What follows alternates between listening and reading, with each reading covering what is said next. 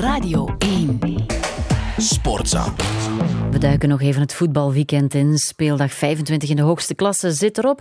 Gisteravond nog de overwinningen van KV Mechelen op Standaard en van Club Brugge in Kortrijk. Gistermiddag al de 1-0 van leider Union tegen Anderlecht. En Peter geeft tekst en uitleg. Hi, goedemorgen. Goedemorgen. Union zit dus midden in die aangekondigde examenperiode met vier topclubs als tegenstander. En voorlopig lijken zij geslaagd met onderscheiding. Hè? 7 op 9 gisteren de overwinning in de derby tegen Anderlecht. Definitief titelkandidaat, ja toch? Nou, ik zou zeggen, het tegendeel beweren zou echt onnozel zijn. Dan. Fritje Dan wij Mazou, die, die Ja. probeert dat wel, maar ge- gelooft dat eigenlijk diep van binnen natuurlijk ook. En zijn spelers ook. En elke wedstrijd krijgen ze eigenlijk opnieuw de bevestiging daarvan. Hè. Deze week nog tegen Brugge en Anderlecht 4 op 6. En dat had gewoon 6 op 6 moeten zijn. Ze hadden moeten winnen in eh, Brugge. En kandidaat zijn is niet hetzelfde als favoriet zijn natuurlijk. En dat betekent ook niet dat ze ook zeker kampioen zullen worden. Maar het zou toch goed zijn dat ze daar bij Union ook gewoon voor uitkomen. Dat ze zeggen dat ze voor het allerhoogste gaan en zien waar het schip strandt. En daar zal niemand hen achteraf op afrekenen, denk ik, als het dan toch niet lukt. Wel, deze bedenking daarbij. Ik vind wel dat Union meer en meer geëvolueerd is naar een spel dat nu vooral toch leunt op inzet en lopen en duels en organisatie, collectiviteit, afwachten, counteren. En dat doen ze natuurlijk geweldig. Maar een echt goede evolutie is dat toch niet, lijkt mij. En Union heeft dat heel lang eh, gecombineerd met e- ook echt heel goed voetbal, eh, met, met initiatief. En dat is toch al maar minder geworden. Al moet ik nu wel zeggen, donderdag de slotfase in Brugge, die was dan wel weer eh, voor Union. Maar met respect gezegd, het mag de komende weken wel weer iets meer zijn van de leider. Want wedstrijden die, zoals gisteren, perfect doodgemaakt worden en beslist worden met een afgeweken bal, ja, daar gaat de neutrale voetballiefhebber op den duur toch nog weinig van. aan Nee, hebben. ja. Ja, en, en met alle sympathie voor dat geweldige verhaal dat Union schrijft en die heerlijke sfeer daar in het Dudenpark en, en de Brusselse folklo- folklore, ja, de kwaliteit in de topwedstrijd gisteren, ja, die was toch heel matig. Ze zullen het horen, denk ik. Eh Anderlecht verliet dat Dudepark met een kater. En ook met een paar ontevreden spelers. Benito Raman kwam zeggen hoe ontevreden hij wel niet is, omdat hij te weinig speelt. Ja, en eh, zoals we hem kennen, Benito Raman, het eh, hart op de tong. En ik begrijp zijn frustratie natuurlijk wel. Alleen denk ik dat het toch een heel slecht moment is om die nu te gaan uiten in de pers. En je ploeg heeft net twee klappen gekregen op vier dagen. Heeft zijn eh, toch opgeflakkerde, denk ik, titelhoop weer de kop ingedrukt gezien. En staat ineens weer onder druk in de strijd om de top vier. Dan getuigt het toch van niet te veel collectieve spirit in, om dan over je eigen situatie te jammeren. Maar ik vind wel, tegelijk heeft, heeft Compagnie toch niet echt veel blijk gegeven van, ik zal zeggen, eh, psychologisch inzicht bij de keuzes. Door Kouame, die nog maar net terug was van de Afrika Cup, meteen weer op te stellen. Ten koste van Raman, als je dan ook weet dat hij midweek na een half uur naar de kant moest, dan moest gewisseld worden, want Hoed kreeg een rode kaart. Dus daar was zijn kans dan ook niet echt gegeven, moet je zeggen. En, en Compagnie eh, maakte wellicht de keuze, en ik begrijp dat ook wel, voor die winnende combinatie Zirkzee Kouame, die het voor de winterstop eh, goed had gedaan, een karrevracht aan doelpunten had opgeleverd.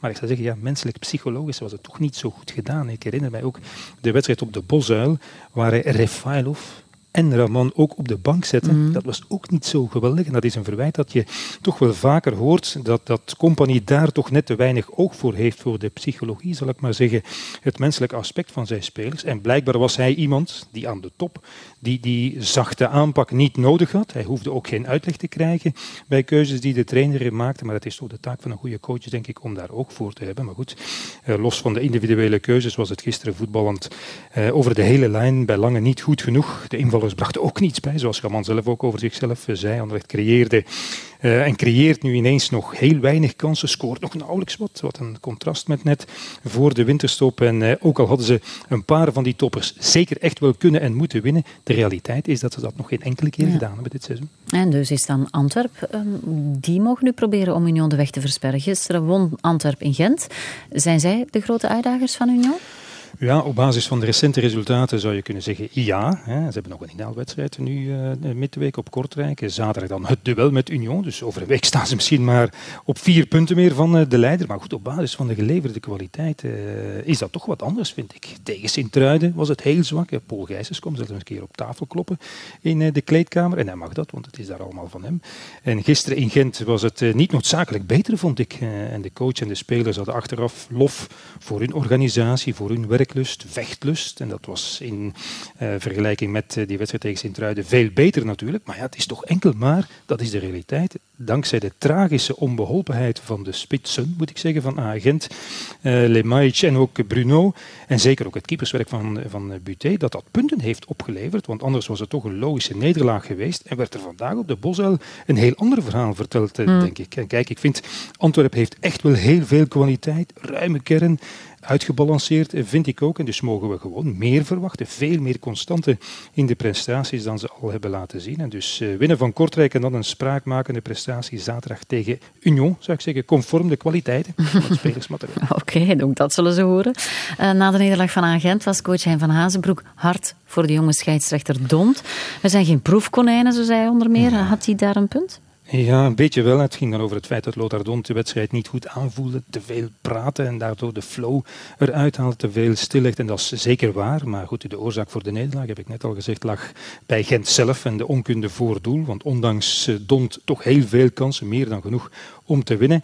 En Van Haasbroek wijst terecht op de jonge leeftijd van die scheidsrechter. Maar ja, leek er dan toch net iets minder begrip voor te hebben dan dat hij dat zou hebben voor een jonge voetballer uit zijn eigen ploeg, die ook in een leerproces zit en die fouten maakt. En, en dat zou dan toch net iets makkelijker vergeten, vergeven worden mhm. pardon, dan aan scheidsrechters. En dus, dus nee, hij heeft gelijk. Clubs en spelers en trainers zijn geen proefkonijnen. Maar goed, eh, refs moet het vak ook leren op het veld. Dan vond ik het bijvoorbeeld veel erger dit weekend. Al die onbegrijpelijke, wel en niet gefloten hands ballen, zoals op Beerschot.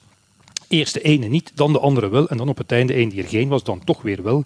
Om dan Beerschot een beetje te compenseren. In Luik mochten dus zijn, wat mij betreft, uh, ongestraft volleyballen. En die voor vond ik ook al zo raar. En, en bijvoorbeeld, ja, dan, dan dacht ik ook, eh, toen ik naar de samenvatting keek van Serain Eupen, waar was de VAR mee bezig bij die geschifte tackle van Nadarni? Ik zou zeggen, volgende keer graag toch een beetje beter. Wij hebben alles gehoord wat je hebt gezegd. Wij wel, maar de betrokkenen, dat valt nog af te wachten. Dankjewel, Peter. Sportza.